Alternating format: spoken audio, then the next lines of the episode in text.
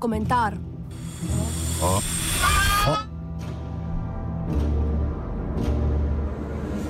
Politična aritmetika pred volitvami v Evropski parlament.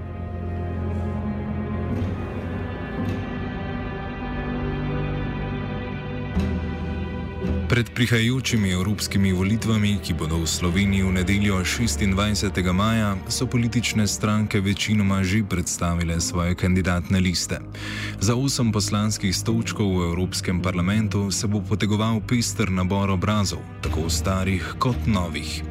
V današnjem komentarju se bomo sprehodili skozi ponudbo in poskušali osmisliti tokratne evropske volitve, ne toliko v kontekstu prelomnosti za samobstoj in prihodnost Evropske unije, kot v smislu njihove posebnosti nasproti ostalim volitvam in načina, na katerega se na nje podajo politične stranke na slovenskem.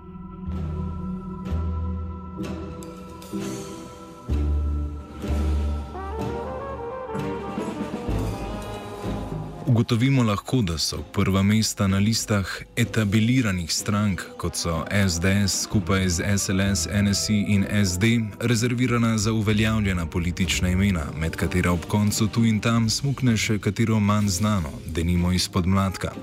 K tej skupini nekoliko špekulantsko, saj stranki svojih list uradno še nista predstavili, prištevamo tudi Desus in SNS.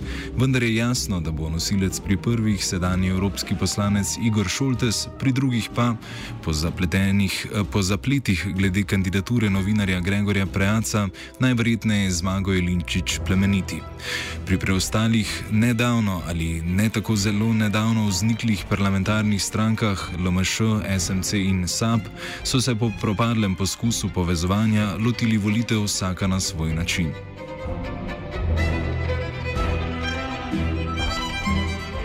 Če tako imenovanemu socialno-liberalnemu trojčku ni uspelo nastopiti skupno listo, so bili bolj uspešni pri devetih nevladnih organizacijah, strankah in listah, ki so skupaj oblikovali listo Povežimo se, katera, nosilka katere bo s podporo Evropske stranke zelenih Urška Zgojznik, predsednica Društva ekologiji brez meja in slovenka leta 2018.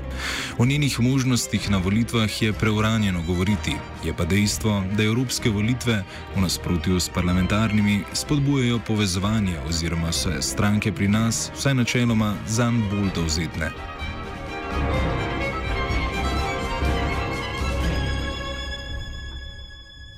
Ta načelnost je, kot se je pokazalo v primeru LMŠ, SNC in SAP, seveda lahko razmeroma trhle narave, vendar je tudi SDS, ki si je dalj časa prizadevala za hegemonijo na desnem političnem polu, spoznala, da mora za ponovitev rezultata prejšnjih volitev, ko so dobili tri europoslance, prepričiti drobljenje glasov na rovaž drugih, če ne ideološko, pa vsaj programsko sorodnih strank iz Evropske ljudske stranke. In če je pri povezovanju SDS in in NSI ostalo pri posoji Žige Turka, člana SDS, ki bo kot zadnji kandidiral na listi NSI, je sodelovanje SDS in SLS veliko bolj domišljeno ter logično za obe stranki. Na eni strani prinaša publiciteto SLS, na drugi pa SDS vrača nekaj navidezne pozitivne podobe potem, ko se je ustvaril vtis, da se je osamila na slovenskem političnem zemljevidu.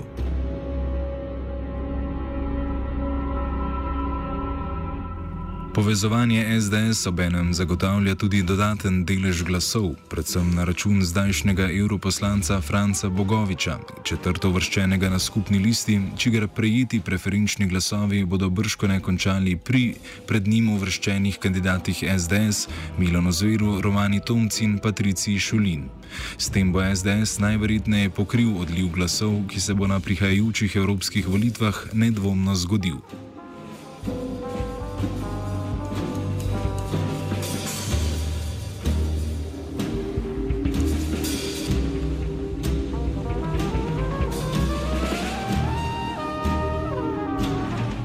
Zaverovanost v to predpostavko izhaja iz določenih razlogov.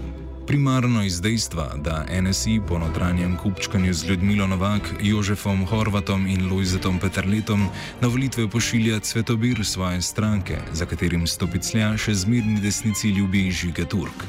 Sekundarno pa zaradi ustanovitve domovinske lige, krajše dom, na kateri bosta predvidoma kandidirala nekdani sekretar v kabinetu druge Janševe vlade Bernard Brščič in odvetnica Lušija Šikovec Ušaj, sicer kandidatka SDS na zadnjih državnozborskih volitvah.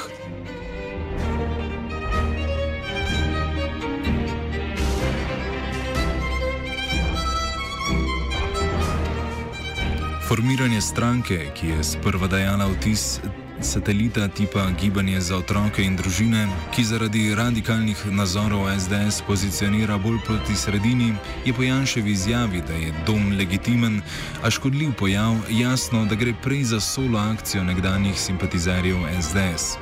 Ne gre namreč podcenjevati tistega dela volilnega telesa, katerega poglede bo s salvinskim suverenizmom proti, z besedami Brščiča, Weberovskemu federalizmu artikuliral dom. Tudi zaradi nizke volilne udeležbe, ta je na vseh treh dosedanjih volitvah znašala pod 30 odstotkov, ima vsak oddani glas toliko večjo težo in lahko pomladni opciji odnese ključni odstotek ali dva.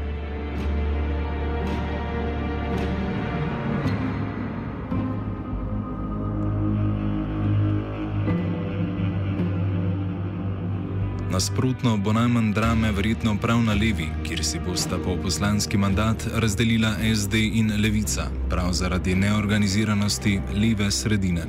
Soliranje LMŠ je namreč pokopalo upe SAP in predvsem SMC po oblikovanju skupne liste pripadnic Zavezništva liberalcev in demokratov za Evropo, poznanim pod kratico ALDE. SMC je v primožu primežu afere z maketo in košarici Evropske komisarke Violete Bulc oblikovala listo, za katero bi predsednik stranke Miro Cerar verjetno potreboval še en intervju, da bi zagotovil, da tako kot on ni politično mrtva. V njegovem slogu pa ni jamrala niti Alenka Bratušek, ki je iskala in rešitev za nosilko liste našla v koroški slovenki in avstrijski europoslanki Angeliki Mlinar.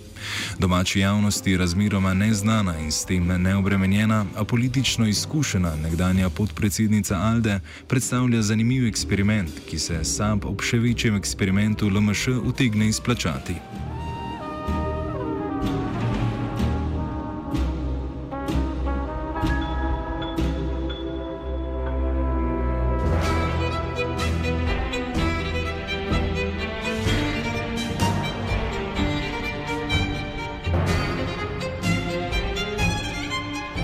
Premijer Marjan Šarec se na evropske volitve podaja po lastnem preizkušenem receptu s skupino političnih debitantov, pri čemer je jasno, da resno ciljajo le s prvima dvema kandidatoma, torej Ireno Jovevo in Klemnom Grošljem.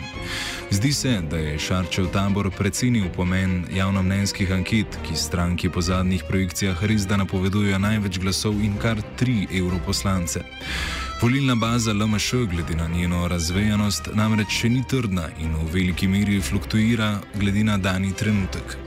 Ker gre pri evropskih volitvah za personalizirane volitve, bi LMŠ morala skrbeti, kam bi se lahko izgubili preferenčni glasovi tistih voljivcev, ki bodo podprli katerega izmed njim všečnih kandidatov drugih strank.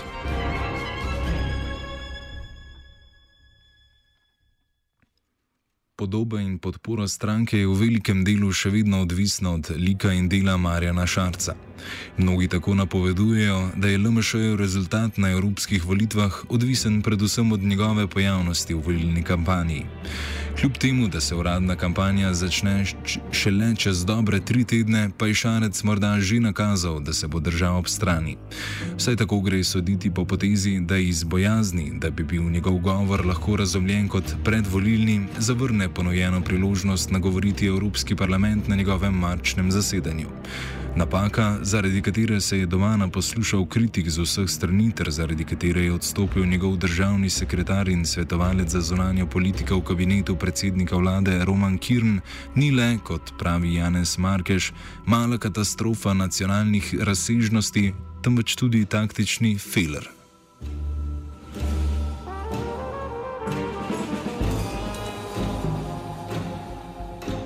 Šarčev nastop v Evropskem parlamentu bi sicer težko pomenil več kot simbolno gesto, vendar je lahko tudi prazna gesta v politiki včasih uredna vsaj toliko kot neko vsebinsko polnejše dejanje.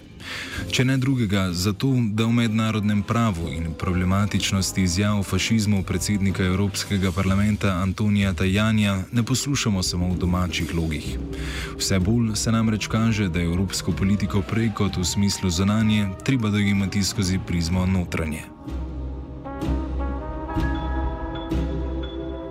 Komentiral je Fabian.